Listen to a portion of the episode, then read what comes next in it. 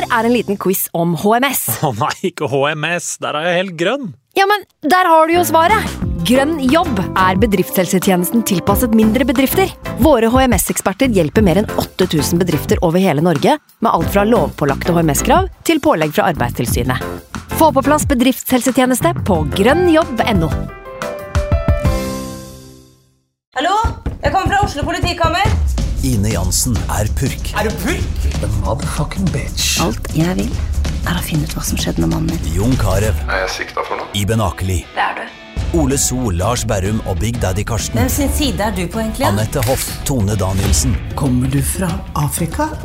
Jørnis Josef, Nesten. Kløfta. Trond Espen Seim, Det er synd å si det, men det var feil mann som døde. Purk. Premiere tirsdag på TV2 Play. I can't believe it. Football, bloody hell.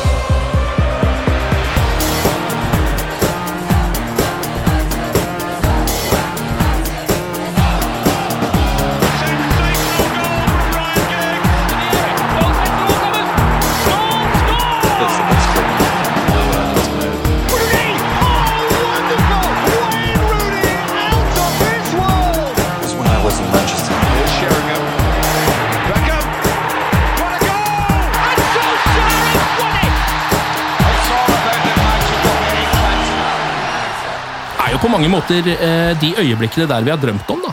Eh, fem minutter på overtid. Alle har gitt opp, jeg har i hvert fall gitt opp. I ferd med å gå ut av min egen stue eh, i ren protest, bare for å forlate matchen. Selv om det bare går utover meg selv, så blir man jo så idiot noen ganger. Og akkurat i det, da, vi trenger han som mest, så dukker han opp. Den portugisiske halvguden Cristiano Ronaldo dos Santos Aveiro. Og igjen så er han Uniteds frelser, men selve kampen ja, Det var dessverre ingen drøm. Vi skulle kanskje ønske at det var det, for da kunne man kløpet seg i armen, og så hadde den kampen bare vært borte. Sånn er det dessverre ikke. Eh, velkommen til United We Podcast, Dagbladets Fredrik Filtvedt. Velkommen. Tusen takk. Og United NOs egen Eivind Brennovd Holt. Velkommen til deg også. Viva Ronaldo! Viva Ronaldo! Um, ok, vi skal jo snakke om ståa i Manchester United per akkurat nå. Um, hvor vil dere begynne? Vi kan begynne der. Vi skal snakke om to kamper. Vi skal snakke om et tap mot Villa, vi skal snakke om en seier mot Villarreal. Eh, men først, eh, helt til å begynne med, ordet er fritt.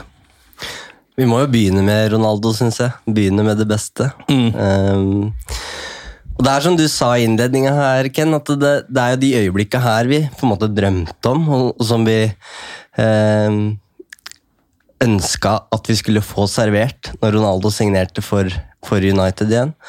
Um, og jeg tror nok de eh, 76 000, eh, eller 75 000 United-supporterne som gikk hjem fra Old Trafford, de, de dreit i de 94 andre minuttene, for det var Du så det, det, det kom på en måte gjennom TV-skjermen nå, øyeblikkets magi Ja. i, uh, i det 95. minutt der. Du så jo Um, også en video fra utenfor Old Trafford etter kampen hvor alle bare dro rundt og tok Ronaldo-feiringa. Eh, som en slags pole dance, holdt jeg på å si, utafor der. Så det så ikke ut som de hadde det eh, var veldig triste. Nei, det gjorde det ikke. Nei, jeg tror det er den her Ronaldo vi skal slå oss til ro, for å bruke det uttrykket. Eh, slå oss til ro med at vi har fått. Eh, det er ikke en det er ikke 2009-Ronaldo som gjør alt sjøl, eh, og nødvendigvis skårer to-tre mål i hver eneste kamp. Det her er en sånn van Nistelrooy-type, for å bruke det som en sammenligning. Han, han er en målskårer, eh, og som 36-åring så er det det han skal være. Og så lenge han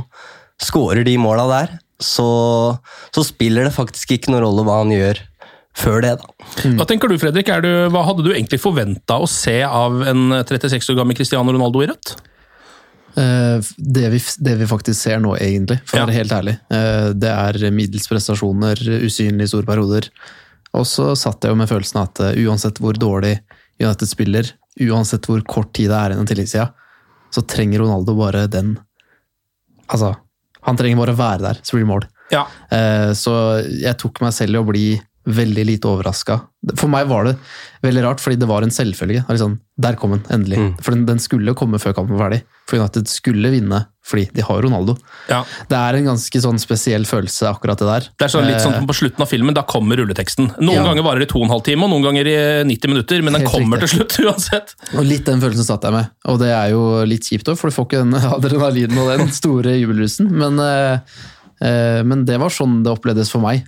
Så bare, av, eller bare med den effekten av å ha Cristiano Ronaldo på banen, eh, så var ikke du sånn som meg at du ga opp. Du visste at dette kom til å skje. Ja, altså Man sitter der er oppgitt over at eh, tenk å bli overkjørt såpass av Viral hjemme og sånne ting, men så, eh, så var det den at eh, Jeg syns jeg så det på Viral-spilleren også. At det måtte jo skje. Vi, visste, vi visste jo at det kom. Men måtte den komme så sent, da, for da ble skuffelsen ekstra stor. Kunne ikke komme i, i 87. i stedet. Jeg føler liksom at jeg så på forsvarsspillerne til Viral at bare Der satt den, vi visste at den kom. Jeg er for så vidt litt enig, for den reaksjonen de hadde var liksom sånn Når man slipper inn et mål eh, ti sekunder før slutt, som de jo på en måte gjorde, eh, i en kamp hvor de kunne ha leda før det skjedde også, så blir det jo ofte eller kanskje oftere mer sånne uh, samikofor-reaksjoner i Forsvaret. At man legger seg ned og bare slår i bakken. Men her var det mer sånn Ja, der var den, ja! Herregud! Ja ja, sånn kan det gå! Vi får ta neste kamp. Det var liksom den følelsen, da. Men jeg tror jo, uh, igjen for å dra det litt tilbake til Old Trafford, så tror jeg ikke det var alle der som satt med den, den følelsen. Det var helt sikkert mange som hadde gått hjem òg. Ronaldo sendte jo melding til Ferdinand like etterpå og sa at han visste han kom til å skåre. Det er veldig lett å si ettertid, men eh, det var en viktig scoring hvis du setter på en måte kampen i kontekst, fordi det hadde vært Champions League-krise, uansett hvordan vi snur og vender på det. To poeng mot Young Boys og Villarreal. Eh, nesten sånn at man måtte begynt å forberede seg på Europa League. Og det kan fortsatt skje, for all del, da. Eh, men det vil Ronaldo passer ikke inn i Europa League. Det, er, det blir helt feil. Det var det store marerittet at vi skulle være klubben som sendte Cristiano Ronaldo til Europaligaen. Det hadde jeg ikke orka. Og med, med Villa-kampen også, da, friskt i minne hvor Fernandes bommer på straffesparket i siste sekund der, så, så blir det her en helt motsatt opplevelse. Og du ser det jo på, på eh, Solskjær og spillerne hva det her betydde. da. Eh, man kan le litt av det. og Det er sikkert eh, noen motstanderfans som som erter oss litt fordi det virka som vi nesten hadde vunnet Champions League, men de tre poengene da, og, og bare seieren isolert sett, at det blei en, en Champions League-kveld med positivt fortegn, det, det var så viktig for alle involverte.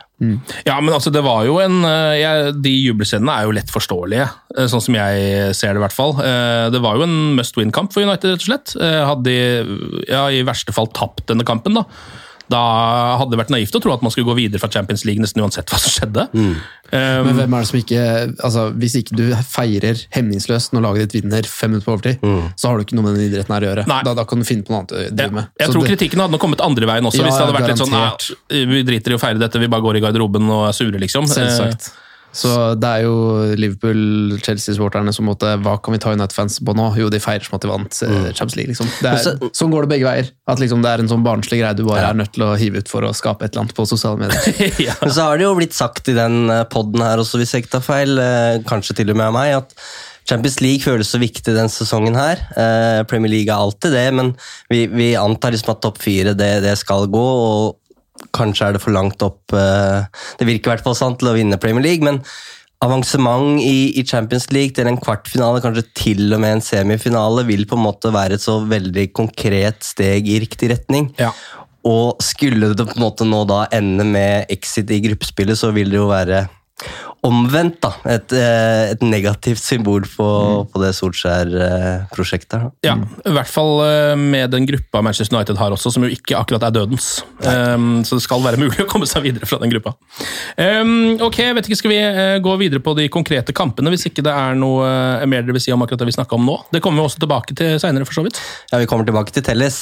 Vi kommer tilbake til Telles, det skal jeg love deg, men først så skal vi ha det litt vondt. Um, og snakke om Manchester United Villa. Eh, På Old Trafford i Premier League. eh, En kamp som, eh, selv om man har sett Villa være ganske ok denne sesongen, og knust Everton eh, 3-0 og sånn, så um, Og selv med det liksom både Young Boys-kampen uh, og ligacuprykinga uh, ferskt i minne. Så dette her så jeg, jeg så ikke det komme, jeg. Den prestasjonen, kanskje resultatet er én ting hvis det hadde vært liksom, en kamp United pressa på, men eh, jeg vet ikke hva skal man si om den kampen, liksom? Fra Uniteds side? Jeg tror alle satt med den følelsen du beskriver der, Eggen. Fordi man følte liksom at selv om det har gått litt opp og ned, så er det en Ronaldo-bølge der som bare United skulle ri videre på. I hvert fall inn mot landslagspausen nå. Eh, Og plutselig så var det stopp, og det var en eh, kamp hvor ingen på en måte virka å ha dagen. Og det topper seg jo da selvfølgelig på, på overtid. Så det ja, man blir sittende litt og bare uff, hva, var det, hva var det som skjedde? Ja. Det, er jo, det topper seg egentlig to ganger for meg, for det topper seg også i det 88. minutt, eh, når Courtney House, som jo spiller bare fordi Aksel Tuan Sebe er United-spiller, og derfor ikke kan starte kampen eh, og skårer da selvfølgelig det eneste målet han noen gang kommer til å skåre. Det tror jeg allerede vi nå bare kan si. Uh, at det blir det målet han kommer til å skåre. Litt sånn som uh, Matty Longstaff. Det kommer mot Manchester United, det kommer aldri til å komme mot noen andre klubber. Um, og det er ikke, på en måte ikke ufortjent i det hele tatt at de skårer heller. Det blir liksom, Man blir bare sånn åh, herre jemini, ja ja. For da var det liksom sånn Nå kan vi få nesten, nå kan vi kanskje klare å surfe inn en heldig 0-0 på hjemmebane mot Villa, så gikk ikke det engang.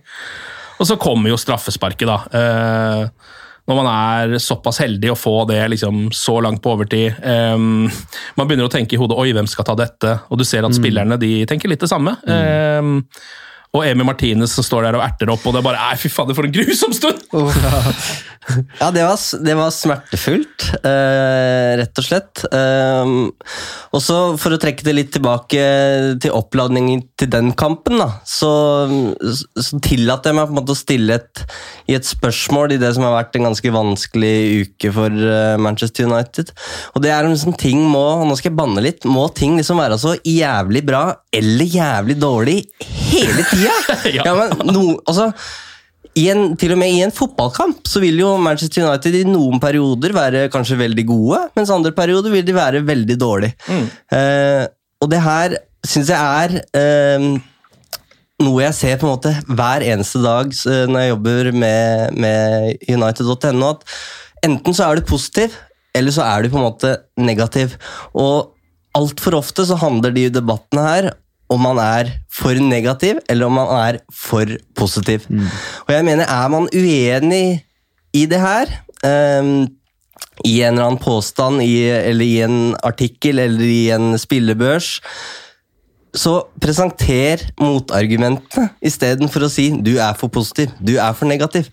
Og det her er det er så stort og det er så vanskelig, vi kommer ikke til å komme til bunns i den podkasten her, men Ehm, som supporter så må du en måte bare ta et standpunkt. Du må fortelle det du ser på banen, dele dine tanker om det. og Det er det vi gjør i den podkasten her. og Det kom noen reaksjoner forrige gang, og det har vært litt diskusjon i sosiale medier på, på om man var for uh, negative da, etter en, det som egentlig har vært en eh, på papir god sesongstart. Eh, men når du ser på de to kampene som har blitt spilt siden, altså mot Aston Villa og mot Villarreal, så viser jo det nettopp at alt er ikke i orden. Solskjær har noen utfordringer, og det må vi på en måte tørre å snakke om.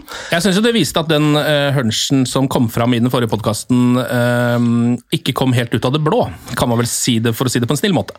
Ja.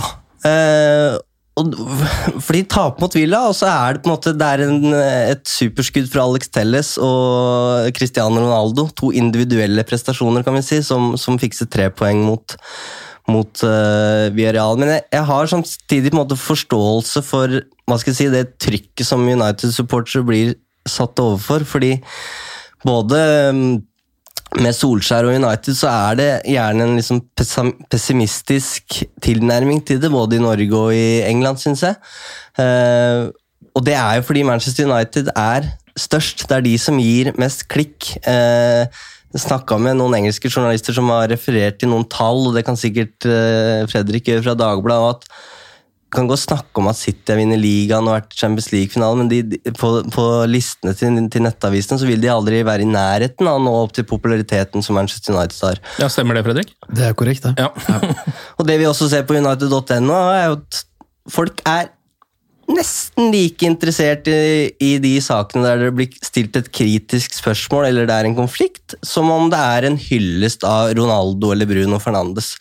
Så Poenget mitt er bare vi, vi må på en måte vi må reise de spørsmåla som, som, eh, som må reises når United trøbler.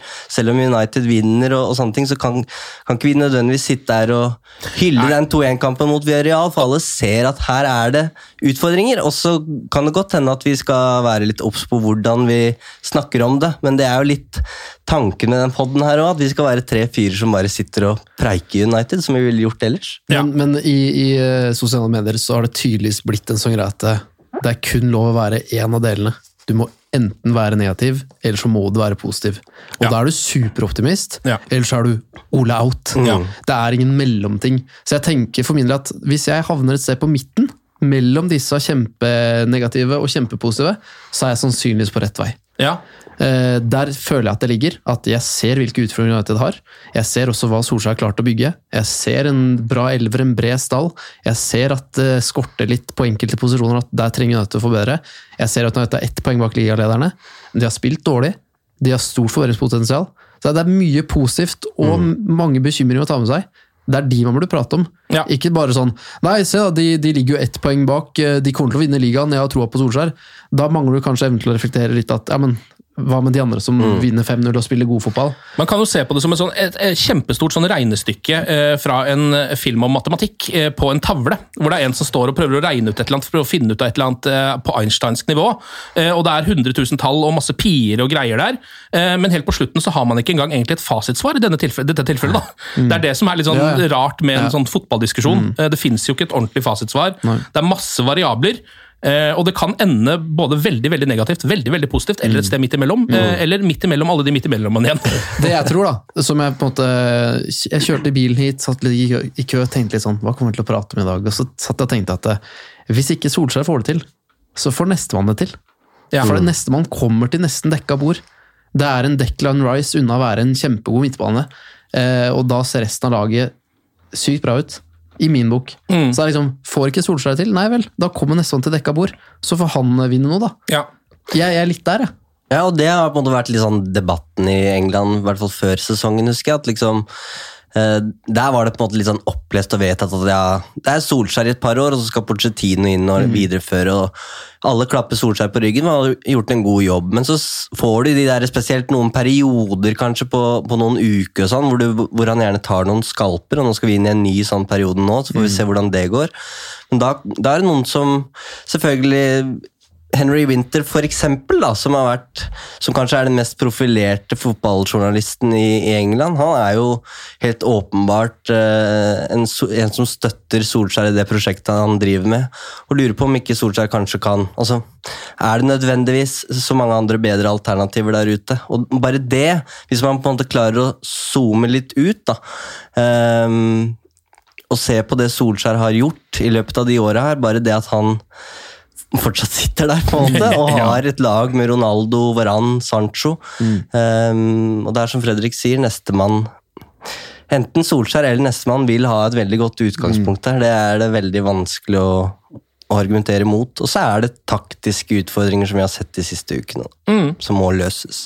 Men det er vel noe i det der, tror jeg, at eh, det har alltid føltes ut som noe slags sånn midlertidighet ved Ole Gunnar Solskjær. da. Mm. Han har på en måte fortsatt ikke eh, forlova seg med kjæresten sin, på en måte.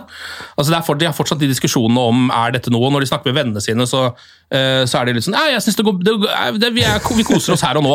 Og så er det sånn, ok, men blir det barn, og er det framtiden? Nei, vi får se, jeg er ikke så opptatt av det akkurat nå. Det er litt i den fasen, da. Og da der- vil jo det, alle de spørsmålene også komme hele tiden. Men skal dere ikke få barn snart? Skal dere ikke gifte dere? Er det ikke seriøst? Er ikke dette the one?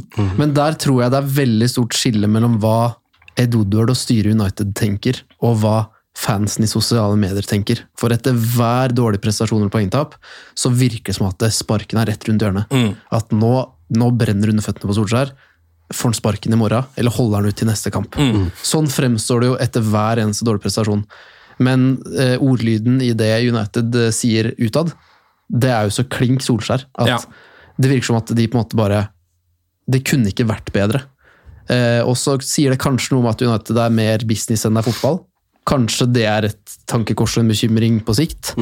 Eh, fordi om de på en måte ikke ser Hvis ikke de følger med på spillet på banen, så vil jo de være kjempefornøyd med Solskjær.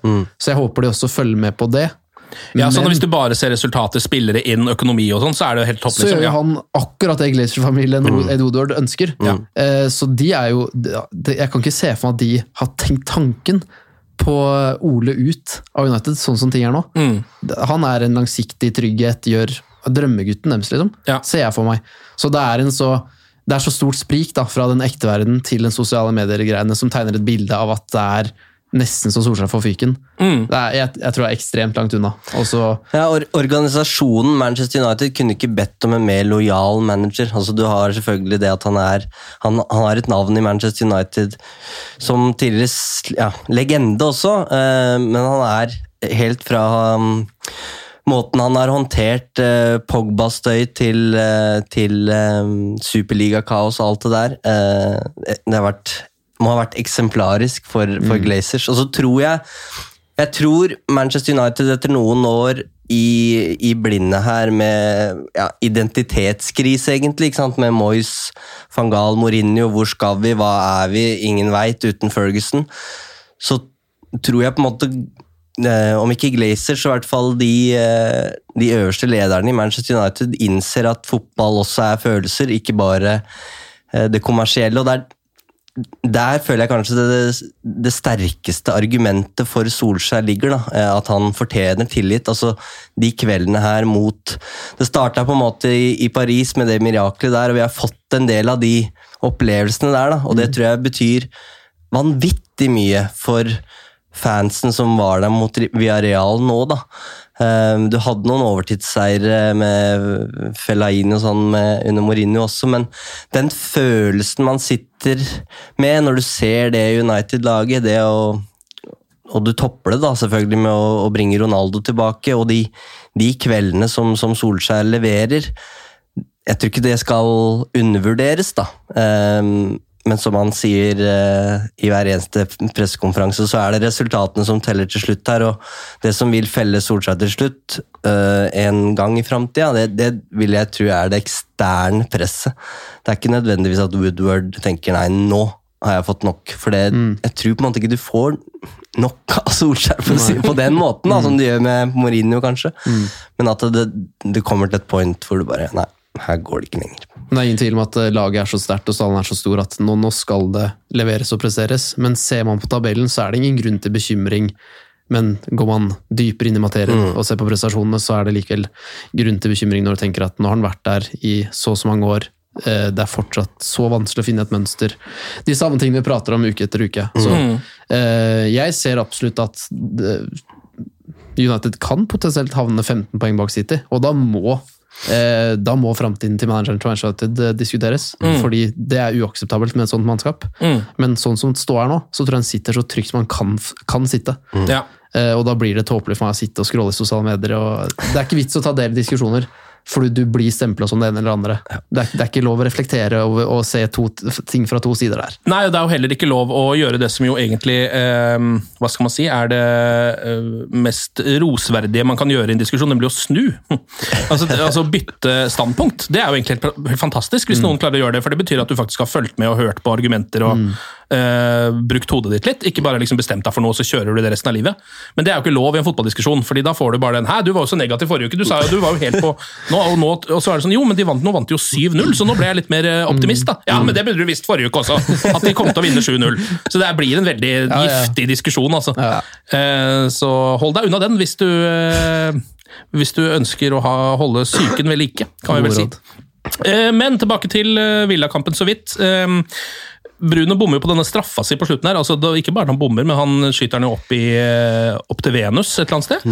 Eh, og så etterpå, så, etter kampen, så kommer han jo med en beklagelse som eh, minner om at og du skulle tro han hadde gjort liksom, eh, noen krigsforbrytelser eller noe sånt. da.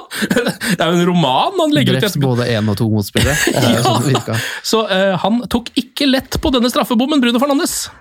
Nei, og jeg tenker Vi må bare være glad for at han bryr seg, eh, tenker jeg. Ja, ja. Eh, han kunne vært en eh, Som sikkert mange andre profesjonelle fotballspillere som egentlig bare spiller for, eh, for seg sjøl. Men eh, han var fast bestemt på å slå tilbake. Og så syns jeg, apropos det vi har snakka om nå, så er det litt sånn, det er et godt eksempel.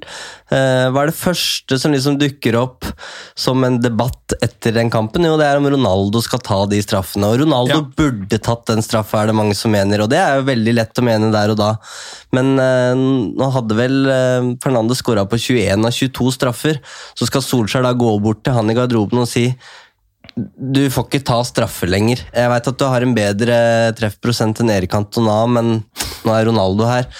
Uh, Løsninga er visstnok at Solskjær bestemmer, men han kommer til å variere fra match til match. Mot Villarreal var det visstnok fortsatt Bruno Fernandes. Så Tror du det blir Cristiano neste gang? Men uh, vi får se uh, hvordan, de, uh, hvordan de løser det i framtida. Men Ronaldo skal helt sikkert ta noen straffer, men eh, det må jo ikke være sammen med han hver gang. Vi fikk jo et par svar på de tingene, derfor jeg har lurt litt på alle de dødballtingene. eh, Både straffer og frispark. Eh, Og mot Villa så var vel de første kampen det dukka opp noe frispark, hvis ikke jeg tar helt feil.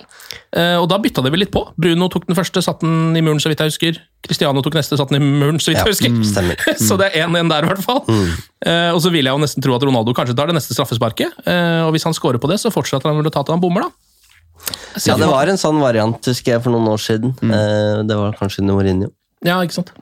Men tror dere at eh, Bruno følte litt ekstra press eh, ved både det at nå er det faktisk et spørsmål om hvorvidt jeg er den beste straffeskytteren her, eh, og det at Ronaldo også sto bak og var litt sånn Burde ikke jeg kanskje bare Og så ser du Pogba dytter han vekk. bare sånn, Ikke mas mer på Bruno nå, du må unna denne situasjonen.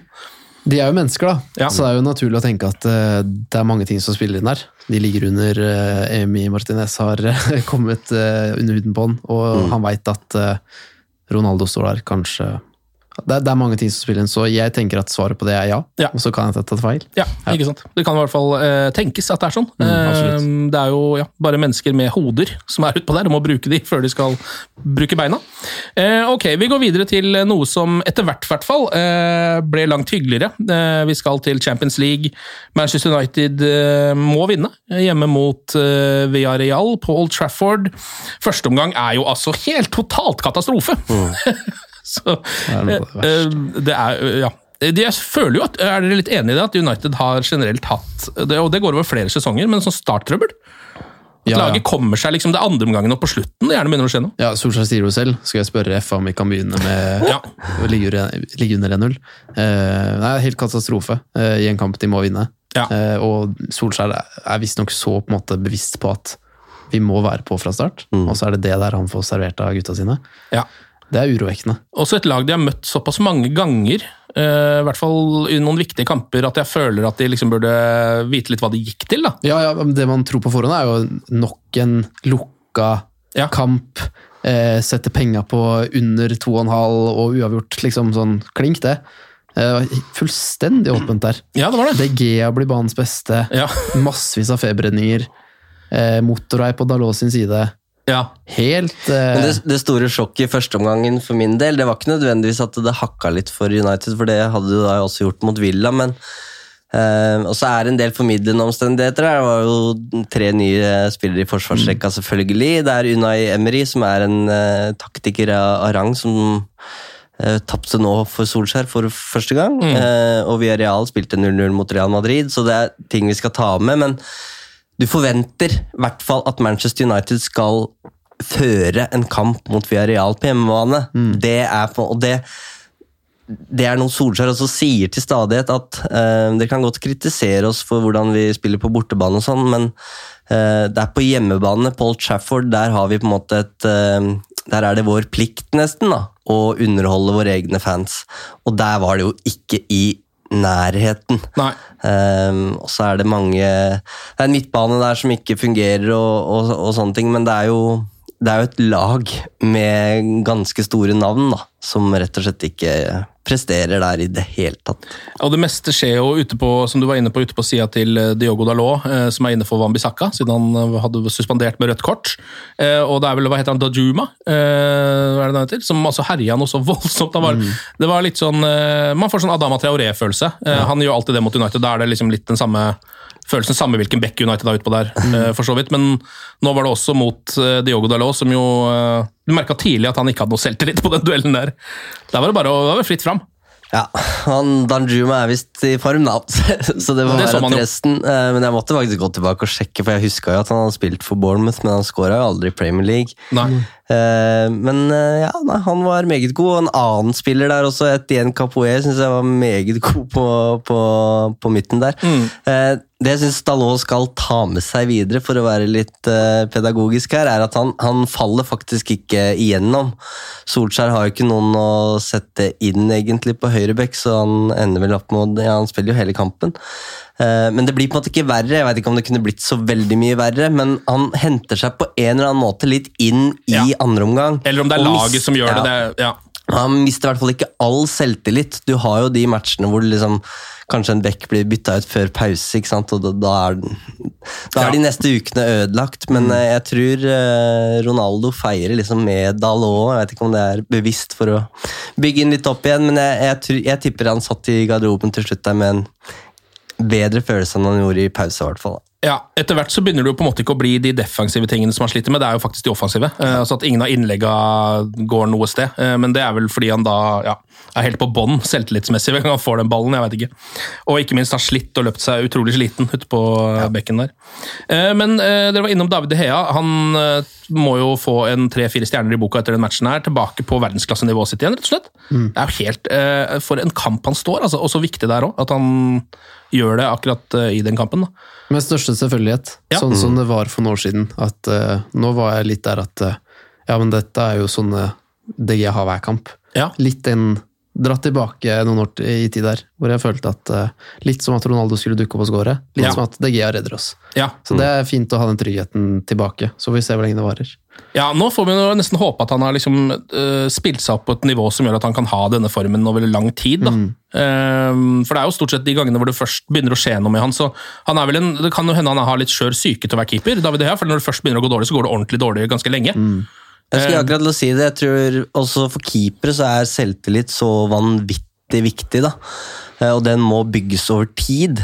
Og det er der jeg syns du ser nå at uh, Digea er en helt annen uh, Han er i en helt annen, et helt annet modus enn eh, enn det vi så i Gdansk. Eh, så han det er på en måte vanskelig å ikke bare ta det for god fisk at han er tilbake igjen eh, på verdensklassenivå. Så blir det spennende å se for Spania nå. Han har ikke spilt der på veldig lenge. Nei. Og han, eh, han fortjener jo nå en sjanse der, syns jeg. Jeg vil tro han får den plassen tilbake hvis han fortsetter å spille sånn som nå, hvertfall, hvert for da går det ikke an å ikke gi den til han. Nei, nå har han vært god i så mange kamper på rad. Ja. At eh, Nå er det på en stabilt over tid. Det er det vi har savna. Og det grunnlaget er derfor vi har sagt at det er på en måte er ferdig. For Mm. Det har vært så ustabilt så lenge. Så han er tilbake igjen, det er veldig veldig godt å se. Um... Jeg ga han åtte og en halv på børsen. Hadde en god eh, diskusjon, for å, bare for å understreke det, med Andreas Hedemann. Han mente han burde hatt ni og en halv. ja, for hva er da en nier eller en tier på den børsen? Nei, den kampen DG hadde på Emirates, syns jeg i hvert fall er eh, Ja, den, den var den, den var ganske vill. Hva fikk han da? Jeg jeg tror faktisk jeg hadde børsen da, og jeg tror jeg ga han ni og en halv. Ja. Jeg, jeg er en, en sånn særing som mener at den tieren skal henge vanvittig Ja, ja. høyt. da.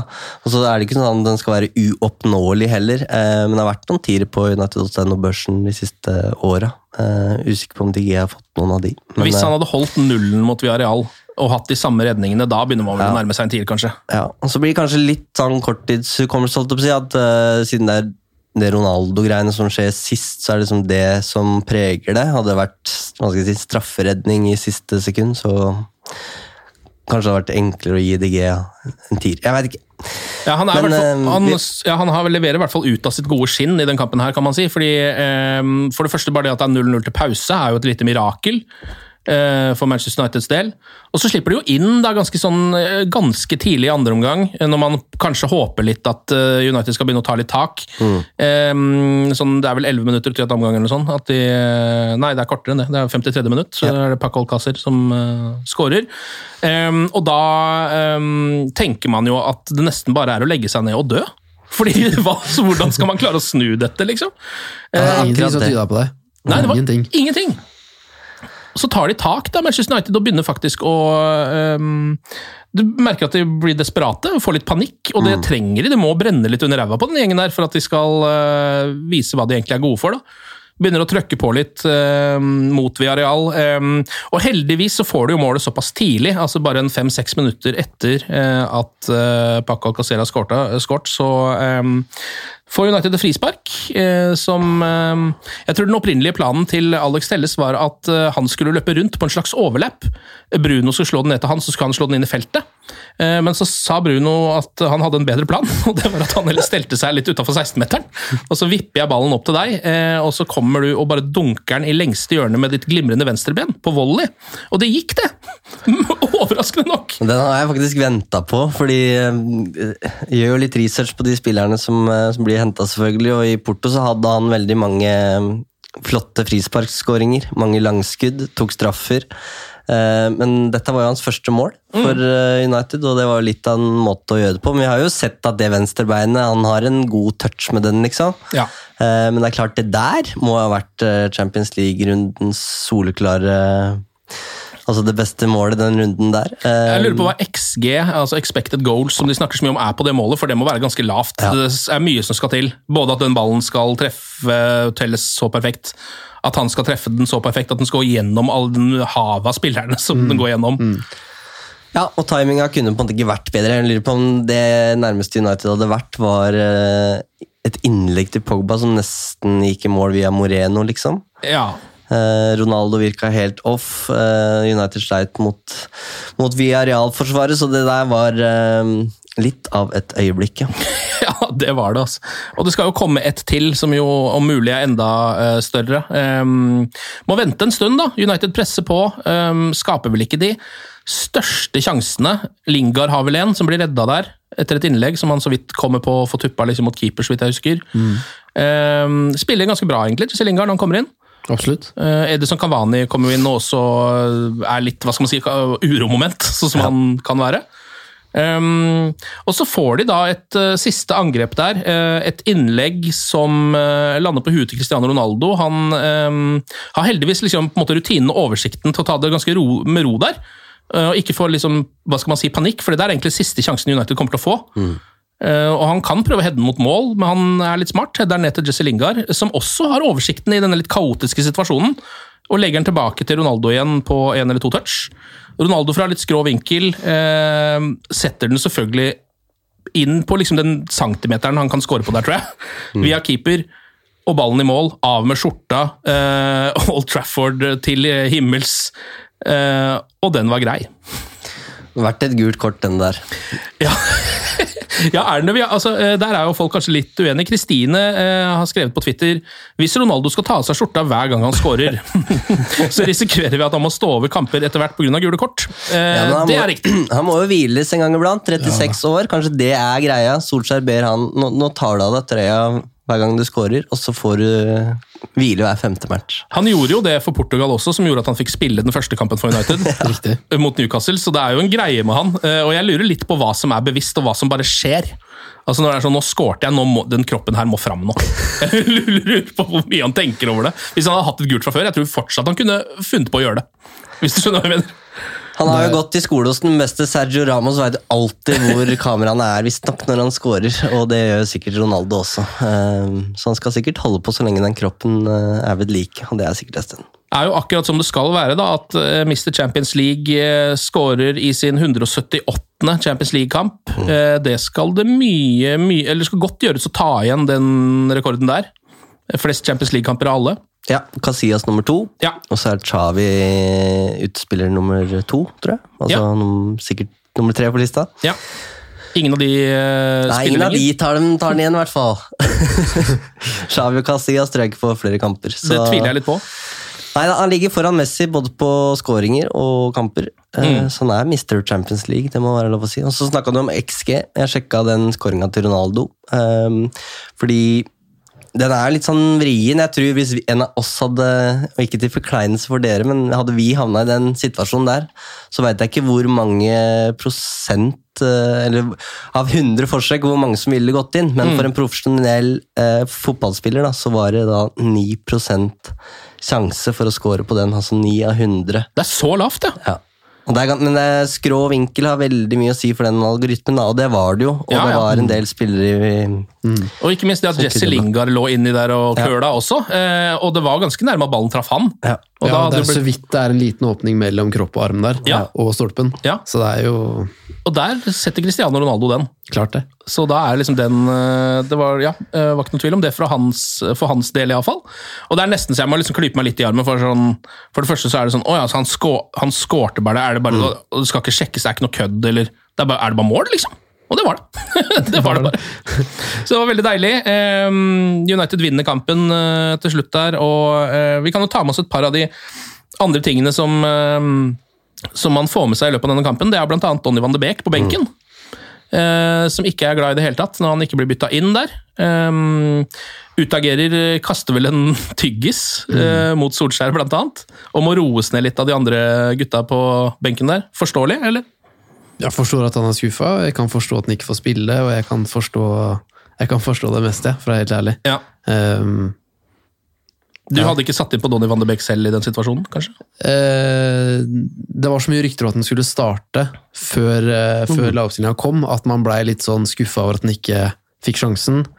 Eh, og så ser man på en måte å ja, det ble Pogba i toeren istedenfor venstrekant. Da er det jo på en måte greit likevel. Mm.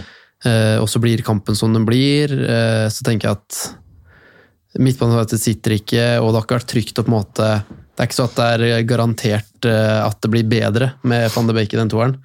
Eh, så jeg syns på en måte ikke at kampbildet tilsa noe særlig at det var han som skulle settes inn heller. Mm. Og så skjønner jeg at eh, han blir frustrert og skuffa, og det, det skal han være, og det må det være lov å bli.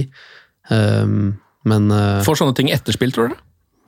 Nei, jeg tror Solskjær helt altså, Han liker nok ikke sånn tydelig protestaksjon og sånn, men at en spiller viser litt følelser eh, fordi han har lyst til å spille, det tenker jeg han lever helt fint med. Mm. Jeg er ikke så glad i å lese så veldig mye inn i de, det vi får eh, se fra kameraene. Eh, som når Messi liksom sender et blikk til Pochettino. Når han blir bytta ut, vi aner jo ikke hva de har snakka om før match. Og vi har, Men du vet at han hater det. vi har Trenger ikke å vite mye for å vite at han hater det. Nei da. Men akkurat den her uh, syns jeg var ganske ille. eh, fordi du ser på en måte du, eh, Kameraet følger van de Beek så lenge, så det er en ganske lang sekvens. Og det er så tydelig på kroppsspråket hans at han er eh, Jeg skal ikke si at han nesten mister det, men liksom, han er helt åpenbart eh, veldig frustrert. Er veldig emosjonell. litt. Ja. Litt, ja. Og når du liksom da ender med å liksom ta ut tyggisen og kaste Jeg tror ikke det han prøver å treffe Solskjær, eller noe sånt, altså, men altså, han måtte måte få ut Ja, for Først er det vesten som ryker. Ja. Han pælmer vesten, så Mm. han setter seg. Så får han litt sånn klapp på skuldra fra Bailly og Henderson, tror jeg det er. Mm. Og så ryker tyggisen. Så det er jo litt sånn resignasjon. Litt sånn 'nå stikker jeg og nar'. Litt Mm. den følelsen får jeg. Ja, ja, ja. Eh, og det tror jeg helt ærlig at alle parter lever ganske fint med. Ja. Eh, og så har jeg alltid hatt en drøm og håp om at van de Beek skulle blomstre i United og sånne ting. Så det er litt sånn var, var- dette alt? Skulle vi ikke få se en spiller mer? Skulle vi ikke få se den, den van de Beek som herjer med Real Madrid i Champions League for Ajax? Eh, Så det er, det er en situasjon som jeg syns er veldig spesiell, egentlig. Mm. Det er åpenbart at Solskjær ikke har blitt eh, overbevist av det han har sett. Da hadde han jo spilt mer. Eh, Og så syns jeg at eh, Solskjær er unnvikende når han får spørsmål om van de Beek på alt av pressekonferanse og sånne ting. Nå har journalistene kanskje gitt opp å spørre om det òg, fordi de, de får ikke noe svar som, som kan forklare United som har et midtballproblem, er ikke villig til å prøve van de Beek eh, mer enn de gjør. Men jeg har nesten hatt en mistanke om at Solskjær har en sånn hemmelig plan for van de Beek. For han har liksom virka så selvsikker synes jeg, når han har fått spørsmål om det. Og øhm, kommet med komplimenter, og så fikk eh, van de Beek kapteinspinn i sommer. Og så tenkte jeg liksom, ja ok, Kan- og litt snakk om 4-3-3, og ja, kanskje alt skal holde på å si dreie seg rundt van de Beek her. Eh, men det er det som kanskje jeg synes er mest skuffende nå. En ting er at den første sesongen blei som det blei, det var skuffende for alle parter, men nå skulle man på trykke på restart, og så um, virker det, i hvert fall for oss um, som sitter på tribunen, så virker det jo ikke som at det egentlig har blitt tatt noen grep. Det virker som det bare fortsetter som før. Han må jo få tillit for at han skal, eh, og sjanser for at han skal blomstre her. Og så er spørsmålet om det var riktig å om det var akkurat den kampen han skulle sendes inn på da, når United må ha mål mot Villarreal, det er ikke sikkert. Når vi snakka om selvtillit og, og DG og alt det der, men uh, han må jo få sine sjanser hvis, hvis det stemmer som agenten har sagt, og det virker jo ut fra det Solskjær sier som at det gjør, at han har blitt lovt at han skal spille mer den sesongen her, at han derfor ikke kunne gå til Everton i sommer, så må jo får vi håpe at Solskjær og Manchester United holder ord. Mm. at det her ikke blir en ny sånn Depay-greie. Det er vel heller, Hvis man skal snu på det, så er det vel heller ingen grunn for Solskjær og teamet til å si han skal vi beholde, hvis ikke de har hatt noen som helst tanker om å bruke han til noe. fordi det er jo uh, bare sadisme, på en måte.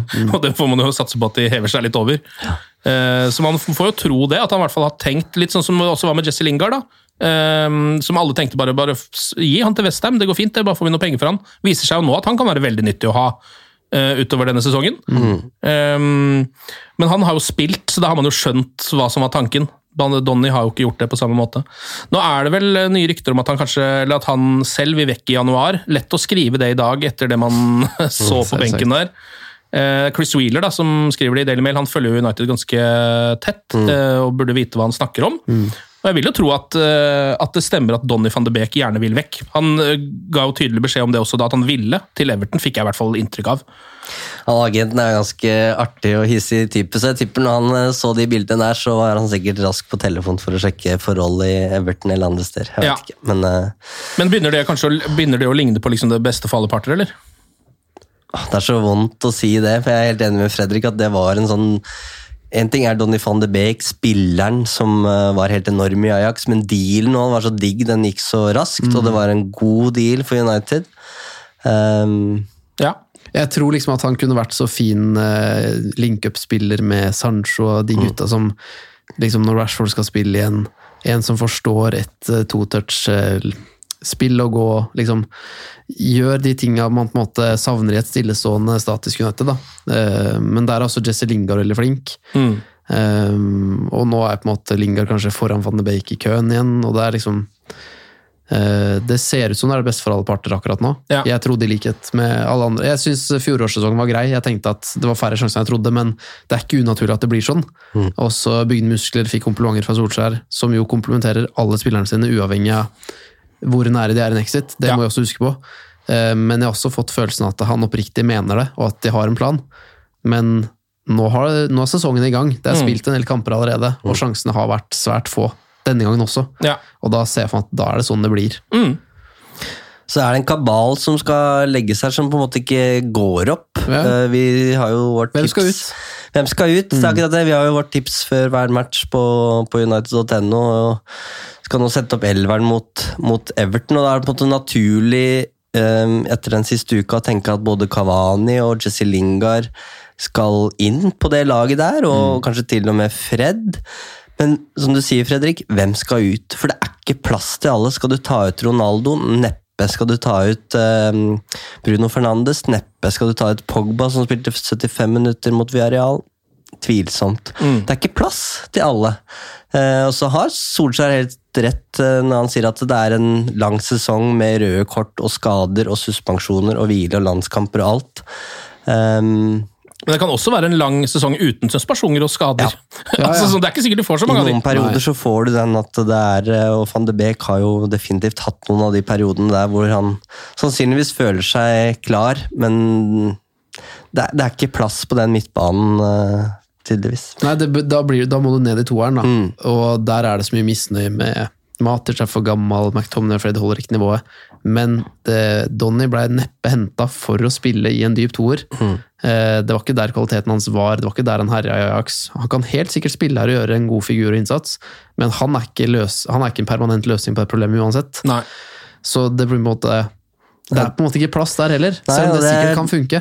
Det stemmer i hvert fall overens med det jeg har hørt, at Solskjær stoler rett og slett ikke, for å bruke et litt dårlig ord, da, på at van de Beek kan spille i en toer. Han mener at det, det funker ikke. Han, han er sannsynligvis for offensiv, på en måte, og i hvert fall i min bok så er han en strålende 4-3-3-spiller. Um, men nå, nå er det jo McFred-duoen har jo sine kritikere, og så prøvde man nå med McTominay Pogba. eh, Det viste at det fungerte heller ikke så veldig godt. Um, Så det er, det er den der midtbanekabalen som først og fremst må legges, eh, men det er vanskelig hvis du skal ha fire mann foran der, da. Ja. Med Ronaldo Fernandes, Greenwood, Sancho Men La oss snakke litt om det eh, når du først nevner Pogba også, fordi Ingar Arne har skrevet på Twitter hva skjer med Pogba når Rashford er tilbake og Sancho forhåpentligvis blir varm i trøya? Eh, da skal jo da altså ikke Pogba lenger spille venstrekant. Det kan vi vel, Da må Rashford spille venstrekant, må vi vel regne med hvis han kommer i form. Um, og så har du Bruno Fernandes som skal ligge som en slags tier. Du har Cristiano Ronaldo på topp. Eh, på høyresiden har du da enten Sancho eller Greenwood, som også kan bli vanskelig å benke hvis han fortsetter å levere. Nå har det vært noen kamper siden sist, men i hvert fall han har vært ok denne sesongen her. Um, og så har, har du Pogba oppi det hele, da, som plutselig da må ned på midtbanen, hvor han har vist seg at han funker sånn delvis. Hvordan skal man komponere dette? Ja, og Så kan du legge til da Fred McDominay, som er Ja, og Donny van de Beek. Det er, de, det er den duoen Solskjær stoler mest på, og Donny van de Beek, ja, som jeg nå snakka om. Og Da er det åpenbart at noen kommer tapende ut av det Mm. Ja, det er, jo en, det er jo på en måte et regnestykke som ikke helt går opp, da. Mm. Det er jo der, der på en måte 4-3-3 kan løse noe. Eh, det klinger i hvert fall veldig fint i mine ører med McTominay som et anker eh, og Pogba og eh, van de Beek som indreløpere, f.eks. Hvor skal du gjøre av Bruno Fernandes da? Det er akkurat det. det, er akkurat det. Så vi må få lov til å spille med tolv mann. Ja, ja, vi må nesten det. Eh, Men eh, vi merka jo også i kampen mot Villarreal at presspillet til Manchester United det funker ikke spesielt godt. Eh, De prøvde seg litt i perioder der, men det endte jo bare opp med at Villarreal kunne spille så mye gåfotball de ville, uten at United klarte å legge press på de, som er noe nesten litt sjokkerende å se på. Mm. Fordi det står altså helt stille, både hos Villarreal på en måte når de har ballen, og hos United! De bare lar, bare lar tida gå, liksom. Um, og der har jo Cristiano Ronaldo fått en del kritikk. Han er jo ikke noen god presspiller. Um, nå har The Athletic kommet med en oversikt over alle angrepsspillerne i Premier League. Cristiano Ronaldo ligger soleklart på bunnen når det kommer til pressing. Altså soleklart! Han har sånn 2,7 eller noe sånt. Ja. tror jeg tallet Under Benteco Benteke òg. Ja, ja, oh, ja, ja, ja. Altså Soleklart på bunnen. Han har røde tall, mens alle de andre liksom bikker litt over mot grønt. for å si Det på den måten. Det skal sies at uh, alle storskårerne i Premier League ligger på, på måte, de seks nederste. De gutta du ser for deg kommer til å ende som toppskårere. uh, de ligger lavt, men Ronaldo er ekstrem. Ja. Eh, Og man ser det jo så tydelig. Det ser man, og det er jo Det visste vi jo. Ja. Det visste Solskjær. Det er forskjellen på Ronaldo og Cavani. Ja. Eh, Du ser jo Cavani mot Villarreal kommer inn og gir opp han, han nekter å gi opp baller som egentlig ser helt sånn håpløse ut, da. Ja, ja. Han vinner jo et par av de der. Mm. Eh, Der har Ronaldo på en måte gitt opp for lenge siden. Eh, Så spørsmålet er jo hvor lenge har du råd til å ha så dårlig intensitet og press uten at du blir ordentlig straffa for det? Det er sikkert naivt av meg, men jeg trodde ikke det skulle ha så store konsekvenser. Når man ser på det, For nå se- har jeg, ser jeg det med mine egne blotte øyne, og det trodde jeg ikke jeg skulle gjøre. for å være helt ærlig da. Nei, men for et, for et velfungerende lag så har det kanskje ikke så mye å si. Men eh, noe av min største bekymring rundt McDonagh og Fred, og det er spillere jeg liker godt hver for seg, men som jeg ikke syns fungerer spesielt godt sammen, det er jo den der taktiske klokskapen. Jeg føler de gang på gang forlater farlige soner og trekker mot ball. da. Eh, og når du da i tillegg har spillere som blir veldig ball-watching, og en fronttrio som kanskje ikke evner eller gidder å sette press, så blir det veldig mye rom å boltre seg i. Det er nesten sånn at det blir kontra på når det ligger etablert eh, forsvar. Ja, ja. Gang etter gang. Mm. Eh, og det er jo Sånn kan det ikke holde på. Så det er jo en eller annen eh, slapp fyr der oppe som etter hvert må ut, da. Fordi at det koster rett og slett for mye krefter Mm. og eh, Ja. Men må mer av det, altså hvis man, eh, Jeg vil jo tro at grunnen til at Cristiano Ronaldo ikke presser så mye, er litt fordi han er Cristiano Ronaldo, eh, og litt fordi han er gammel. Altså at han sparer seg litt, da. ja. Eh, som jo er naturlig, på en måte.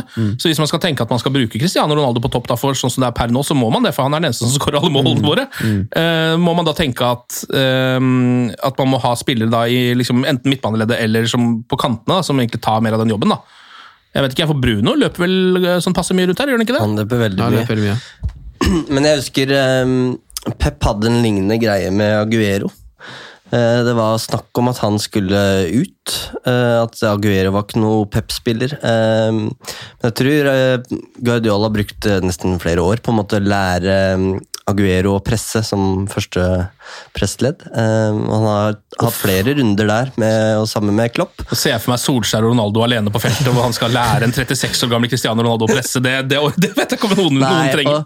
så lenge han skårer de måla som han gjør mot Villarreal, så, så gjør det ikke noe. Men det er den dagen han har gått fire-fem kamper uten scoring, så er det det første motargumentet som kommer. Eh, men vi skulle nesten hatt eh, Øyvind Eide her nå, men for press er så mm, eh, det er så komplisert. Det er så vanskelig å på en måte sette ord på og se hva det egentlig er, og, og hvordan forskjellige lag presser forskjellig. Um, men det var jo på en måte Solskjærs første taktiske endring, egentlig, i det United-laget. Uh, han, han, sa på en av sine første pressekonferanser at ingen skal løpe mer enn oss. Kan godt tappe fotballkamper, men ingen skal løpe mer enn oss. Uh, og så følte jeg som han fikk Han lyktes ganske godt med det nye presspillet, men så har det på en måte på den, eh, hvis, vi, hvis, man lager en tabell over hvordan, eh, hvor aggressivt alle lagene i, i, Premier League eh, presser, så ligger United litt, litt, under nedre halvdel. Så de har på en måte, ja, de har fått opp intensiteten fra det som var tilfellet under Fangal og Mourinho, men det har på en måte stoppa. Så presspillet til United er egentlig ganske moderat sammenligna med det Southampton driver med, f.eks. Mm. Um, og det jeg lurer på, er om er er det det Solskjær vil? Er han egentlig fornøyd med hva skal jeg si, intensiteten på det, bare at det ikke fungerer helt som det skal? Eller var det det nivået man klarte å komme seg opp på? liksom? Ja. Mm. Eh, eller skal man på en måte ta det enda et skritt lenger og bli enda voldsommere? da? Vi har jo sett Klopp som på en måte, på en måte sprengte skalaen, men endte med å slippe inn altfor mange mm. mål. og måtte gå måtte trekke litt tilbake igjen, men jeg tror jeg sjekka litt på tallene, hva United har blitt bedre og dårligere på kontra i fjor. Eh, og en av de tingene var faktisk dårligere på presspill. Ja. Um, og sånn Med tanke på 2021-fotballen så er jo det noe du må mestre. Men mm. det, er, um, det, er, kompliserte greier, altså. Jeg trodde jo, Eivind, at uh, på en måte grunnen til at United høye presspill i fjor, da, som du forsøkte på, uh, tidvis ikke fungerte, var fordi Maguire og Lindløv ikke stolte på farta si. Mm. Så det blei for store strekk i laget. Mm. De turte ikke å stå så høyt som angrepsspillerne ville. Så jeg tenkte automatisk at eh, der trenger vi en rask stopper. Det har Solskjær kjøpt, ja. så jeg tenkte at det var løsningen. Men når man da signerer Ronaldo og setter han som første pressledd, så vil du få akkurat samme problem. Fordi står du høyt med Ronaldo, så blir du så spiller av første pressleddet. Ja. Og da vil det er ikke noe første pressledd. Nei, og da vil du igjen måtte falle. Så da kan du ikke stå høyt. Mm. Så det er avanserte greier, men jeg føler liksom at det, eh, den opprinnelige planen med å nå, nå, kan vi stå høyt, for vi har endelig en rask stopper den gikk på en måte i dass med Ronaldo, da. Mm. Ja. Uh, ja. ja. for det, det vi vet er at For å presse så må man være et lag. Ja. Det, det, tror jeg vi kan sette store streker under. Han forstår jo jeg skal ta ut rom, jeg skal stå der og der, men det er jo, det er jo uten intensitet. Ja. Så det er mest sånn for å ikke melde seg helt ut, så er han halvveis påskrudd og viser at han forstår det uten at han gjør jobben. da. Mm. Ja. Uh, og Det visste vi at vi fikk, og med Ronaldo så kan du på en måte tilgi det og tåle det så lenge han skårer måla som gjør at du vinner. Men som du sa, går han målløs av banen og United taper, så har du på en måte spilt med en mann mindre. Mm. Husker dere Alexis Sanchez de første ukene? Fløy som en sånn bie foran der ja. og jagde hver eneste ball. Snudde seg mot lagkameratene, oppgitt, henda ja. i været. Hva er det dere driver med? Dere må jo hjelpe meg her! Mm. Ja. Så vi får håpe det er litt bedre enn det, i hvert fall. Men Ronaldo er ikke akkurat den uh, spissen her. Han er ikke det. Det var, ja, blir spennende å se neste gang Edison Cavani starter, med toppa lag sånn ellers, og se forskjellen på det. Um, og hvis ikke liksom, Edison Cavani dukker opp fem minutter på overtid og skårer det målet, så kan det jo hende at det har blitt noen mål i løpet av kampen pga innsatsen hans da, allikevel. Så mm. ja, um, dette regner jeg med at Ole Gunnar Solskjær har full kontroll på, men uh, hvem er det egentlig best å ha høyt på der? Jeg er vel ikke helt 100, Det er litt vanskelig å si. Akkurat. Nei, og Bare for å trekke Øyvind inn i det her igjen. Han uh, eh, snakka om at uh, en løsning med, med Kavani og Ronaldo, nettopp for å ja. eliminere det problemet der, da, at du har en spiss som, som presser. Men, uh, men hvor skal Pogba og Bruno og Greenwood spille, da? Vi, vi kan ikke åpne den døra. Ikke ikke? Det, er bare opp. det går ikke opp. vi kan ta noen rykter. Um, nå virker det så, eller det har i hvert fall gått noen rykter om at eh, Juan Mata eh, kanskje har lyst til å forlate klubben. At nå begynner det å bli litt for lite spilletid på den lojale mannen. Eh, januar nevnes der også. Men der, der stusser jeg, fordi eh, Mata hadde ganske begrensa med spilletid forrige sesong. Ja. Signerer ny kontrakt, og da tenker jeg i de uh, samtalene der, så må det jo Det har ikke blitt sagt at ja, du kommer til å starte annenhver ligakamp. For det det skjønner vi, det skjønner Mata òg, at det gjør ikke han. Så hvis han er skuffa over at han har fått lite spilletid i innledninga, så tror jeg det rett og slett handler om dårlig kommunikasjon. Mm. Uh, ja. Men jeg veit ikke. Uansett, tenker jeg, om han hadde spilt mye eller lite, så er det naturlig at Mata ser seg om etter en ny klubb etter den sesongen her. Ja. Uh, men jeg er ikke overraska over at han har spilt såpass lite. Tvert imot, det var akkurat det jeg har eh, forventa. Så kommer det ja, ikke noe mer ligacup, men det kommer eh, litt FA-cup og sånn etter hvert. Ja, det er jo, ja, den ligacupen er jo eh, Når man rykker ut av den, så blir det jo en del mindre spilletid på en masse spillere, egentlig. Ja, ja, det er egentlig fullstendig krise for en så brei tropp som United. Ja. Um, så nei, Lia-cupen synes jeg er veldig fin, fordi at du får matcha hele troppen. Ja. Uh, så det synes jeg er kritisk. Um, det ryktes også at United er i ferd med å uh, gi opp Declan Rice for denne gang, og heller uh, gå over på Calvin Phillips, altså Leeds sin sentrale midtbanespiller, som spilte for England i EM. En god spiller, det også. Um, jeg vet ikke helt om dere har noen dere foretrekker av de to? Må bare skyte inn at jeg ser med interesse for, uh, på det Kamavinga driver med i Real Madrid allerede. Ja, han har vært bra. Uh, og det var liksom et av noe det blei snakka om, som vi annet snakka med Tve Christian om, Ken. At uh, kanskje det er nok litt for tidlig for Kamavinga å gå rett inn på en midtbane til Manchester United og, og levere det man forventer, da.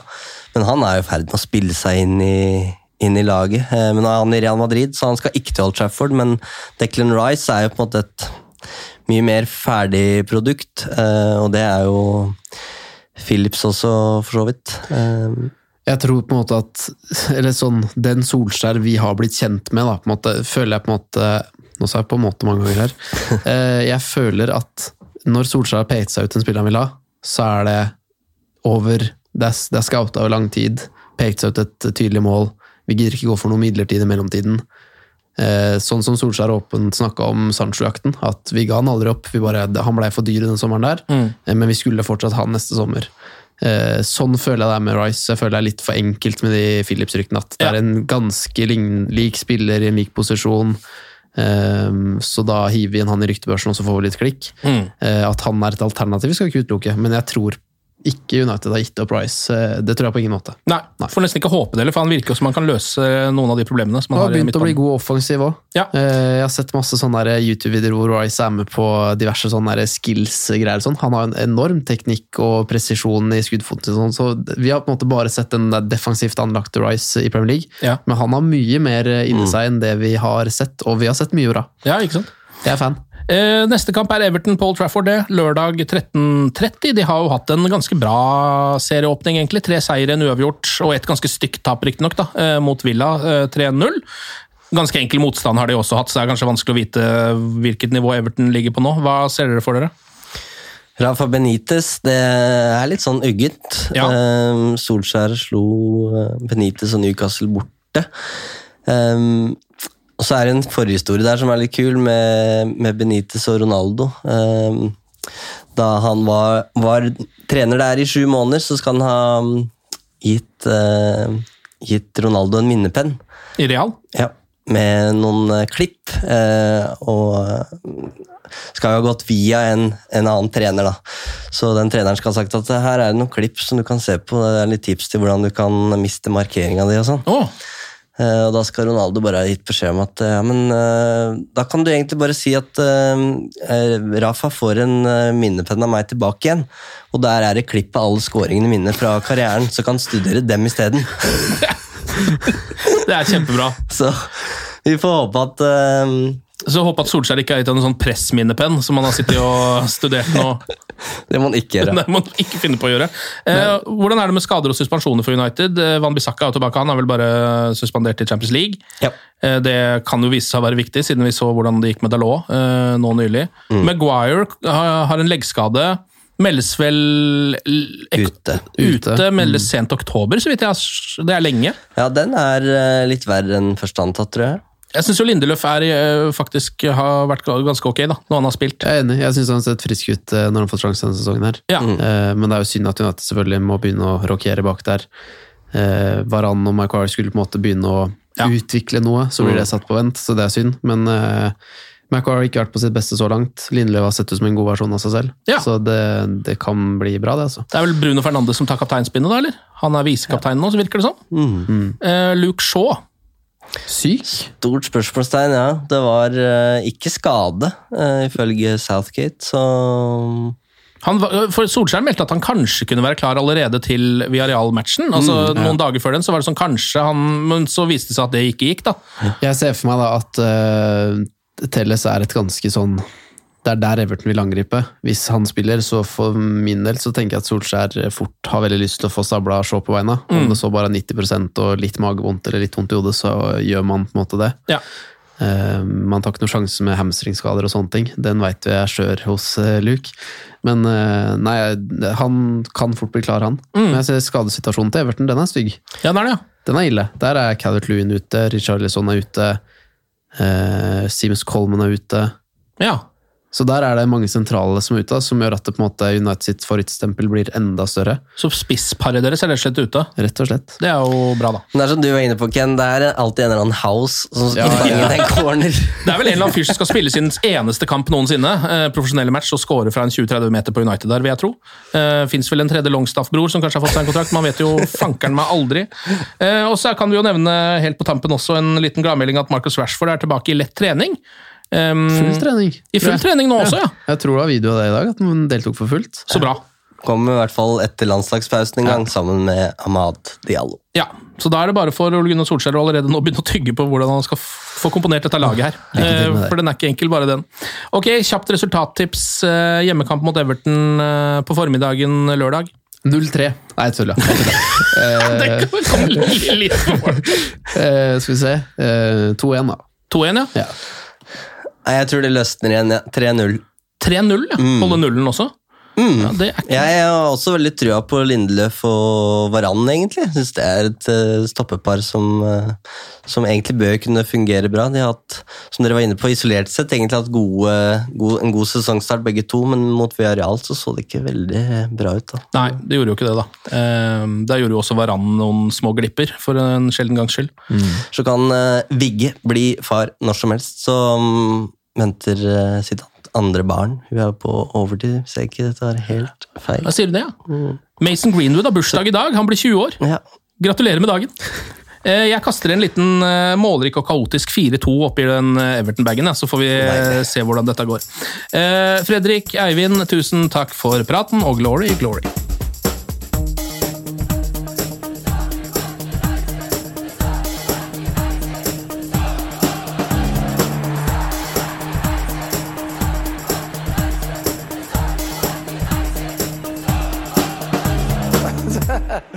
It's true. I've seen many things. Moderne media. Ukens annonsør det er matkasseleverandøren Hello Fresh. Der kan du velge mellom 25 ulike oppskrifter hver uke, eller få Hello Fresh til å sette sammen en meny for deg. Jeg sparer tid på å handle, oppskriftene er veldig enkle å lage, og så får jeg akkurat det jeg trenger da, til hver eneste rett, så jeg slipper å kaste så mye mat som jeg vanligvis gjør. Det er også litt deilig å faktisk slippe å gå på butikken, ikke bare fordi det er tidkrevende og sånn, men fordi man ender opp med å kjøpe så mye greier som man egentlig ikke trenger, sånn som fire poser eh, Smash og en kick med havsalt, eksempel. Det er ikke det du egentlig er der for, du er der for å kjøpe, kjøpe middag. Så det er en veldig eh, kjekk ting. I tillegg så er det jo eh, ferdigporsjonerte ingredienser, det blir mindre matsvinn, og du betaler bare for det du faktisk trenger, og det du faktisk da spiser. I tillegg så blir det da levert på døra eh, til et fastsatt tidspunkt, sånn at du kan få det akkurat når det passer for deg eh, sjæl. Hvis HelloFresh høres ut som noe for deg, så har jeg en rabattkode du kan bruke også. Gå inn på hellofresh.no og bruk koden HelloUnited24. HelloUnited i ett ord, også 24, og få opptil 1779 kroner i rabatt på de fem første matkassene dine hvis du ikke har prøvd HelloFresh ennå. Du kan også bruke koden hvis du tidligere har vært kunde, men har stoppa abonnementet ditt for tolv måneder siden eller mer. Det er ingen bindingstid, og du kan pause eller avslutte abonnementet ditt akkurat når du selv måtte ønske. Husk koden HelloUnited24, og bon appétit! Ukens annonsør er Folio, en smartere banktjeneste for deg som har en egen bedrift eller ønsker å starte for deg selv. Folio er en superenkel nettbank for bedrifter. Som kunde i Folio får du en bedriftskonto med et bedriftskort og app. I denne appen er det smarte løsninger som forenkler regnskapet ditt, uansett om du har en liten bedrift eller et enkeltpersonsforetak.